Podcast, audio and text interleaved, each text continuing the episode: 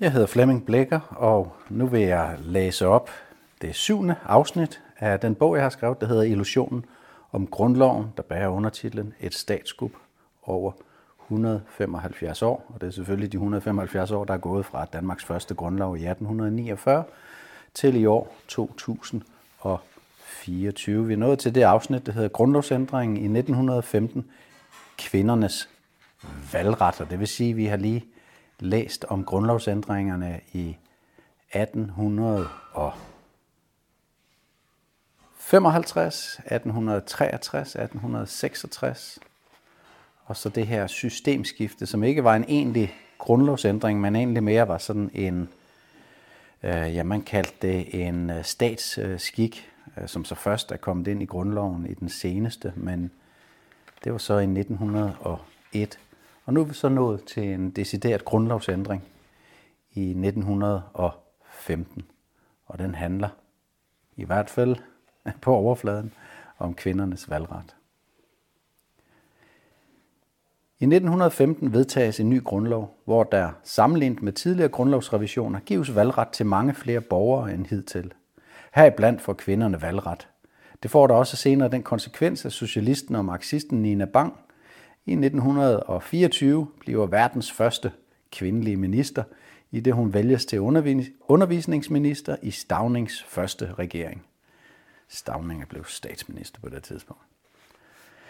Men nogle af de tilsyneladende mindre ændringer i grundloven fra 1915 får også den konsekvens, at magten lægges over i partierne, og dermed i de politiske blokke, frem for at de enkelte medlemmers overbevisning afgør, hvordan de bruger godsøjne folkets magt i rigsdagen. Man går nemlig op med traditionen med, at folketingsmedlemmerne kan vælges i enkeltmandskredse, og vægten lægges over på tillægsmandater.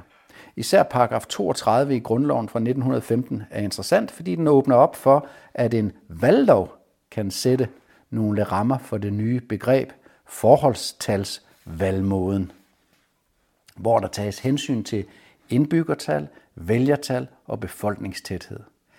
Alt i alt placerer man decideret magten hos nogle centrale politiske partier, i stedet for at lægge den direkte hos de enkelte af befolkningen valgte medlemmer af rigsdagen.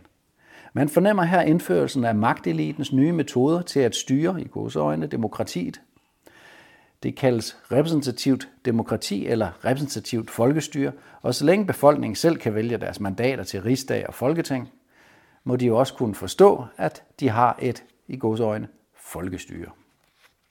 Virkeligheden er, at kongehuset aldrig for alvor har afgivet magten, men blot med grundloven i hånden får andre til at gøre arbejdet for sig. Det er også en mere behagelig styreform for konger og dronninger, som i stedet kan bruge tiden på at tage på rejser og pleje deres image, og så nøjes med at deltage på statsrådsmøder cirka seks gange om året, hvor de sågar kan sende en tronarving som stedfortræder i stedet for selv at møde op. Se for eksempel omtalen af de tre statsrådsmøder fra 20. februar 2013, 9. juni 2020 og 14. september 2023, som er vist i fodnoterne. I de to første opslag fra Kongehuset kan man læse, hvordan kronprins Frederik kan afholde statsrådsmøder uden dronningen, samt hvordan man i, og det var altså inden han blev konge, samt hvordan man i 2020 kun har indkaldt halvdelen af ministerne, så man kan overholde de grund coronarestriktionerne påkrævede to meters afstand under mødet. Den sidste fodnote er et opslag fra Kongehusets Instagram-profil, hvor prins Christian deltager i sit første statsrådsmøde og underskriver erklæringen om at ville holde grundloven, sådan som grundloven foreskriver, at en tronarving skal gøre. Endvidere ændrer man i 1915 benævnelsen på den mest magtfulde politiker i regeringen fra konselspræsident til statsminister. Umiddelbart kan det betragtes som værende af mindre betydning, hvad man benævner posten som den mest magtfulde politiker i regeringen. Men det får store konsekvenser allerede fem år senere, hvor Christian Tine under påskekrisen fyrer statsminister Sale og dennes regering. Havde det været seks år tidligere, ville kongen ikke have haft mulighed for at fyre statsministeren, skråstreg konsalspræsidenten, da han ifølge gældende grundlov kun kunne fyre ministerne. Det var grænsedragningen til Tyskland efter 2. verdenskrig, der var centrum for, centrum for krisen, selvom kongen ifølge grundloven godt kunne fyre statsminister Sale i 1920, viste hans handling, at det systemskifte, som var proklameret til at have fundet sted i 1901, ikke i virkeligheden havde fundet sted, og blot var noget, som nutidige politikere, embedsmænd og historikere fejlagtigt påstår. For under påskekrisen gik kongen imod Folketingets flertal og fulgte ikke den såkaldte parlamentarisme, som skulle have været indført ved systemskiftet i 1901. Igen i 1940 blander Christian 10. sig endnu en gang i regeringsdannelsen og afviser Stavnings første forsøg på at danne den såkaldte Stavning 4-regering kort efter Tysklands besættelse af Danmark. Christian 10. når altså hele to gange med 20 års mellemrum at demonstrere, at der aldrig fandt et systemskifte sted i 1901. Så når nutidige historikere og politikere i talesætter, at parlamentarisme blev indført i 1901, så taler de usandt. Det kan formentlig også vække forundring hos den vågne læser, at det såkaldte systemskifte i 1901 ikke gennemførtes ved lov i den førstkommende grundlov, efter at systemskifte skulle have fundet sted. Ingen af paragraferne i 1915 havde nogen som helst relation til systemskiftet. Det skete først i 1953. Efter grundlovsændringerne i 1915 og 1920 er det såkaldte systemskifte fra 1901 stadig kun en statskik, og endda en statskik, som kongehuset ikke selv følger, som vi kan drage konklusioner af, af det, der skete i 1920 med påskekrisen.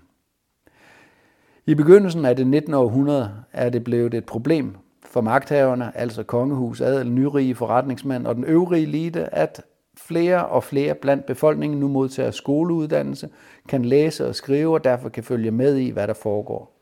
Og de skal jo helst ikke forstå alt, hvad der foregår. Det er formentlig årsagen til, at man fra 1912 ikke længere gør det samme ud af at offentliggøre referater fra statsrådsmøderne. Man har siden fortsat denne praksis, og selv i dag bliver der ikke offentliggjort referat af statsrådsmøder, selvom man på Folketingets og Kongehusets hjemmeside kan læse om møderne, at statsrådet er mest en højtidelig ceremoni og ikke et møde, hvor der bliver truffet beslutninger. Men det har som nævnt ikke umiddelbart været muligt for pressen eller andre interesserede siden 1912 at følge med i disse møder, og hverken presse eller andre har lov til at deltage i møderne, da de er hemmelige. Ja, du læste rigtigt. De er hemmelige. Og der har vi så frem ved afslutningen på oplæsningen af det her afsnit om grundlovsændringen i 1915.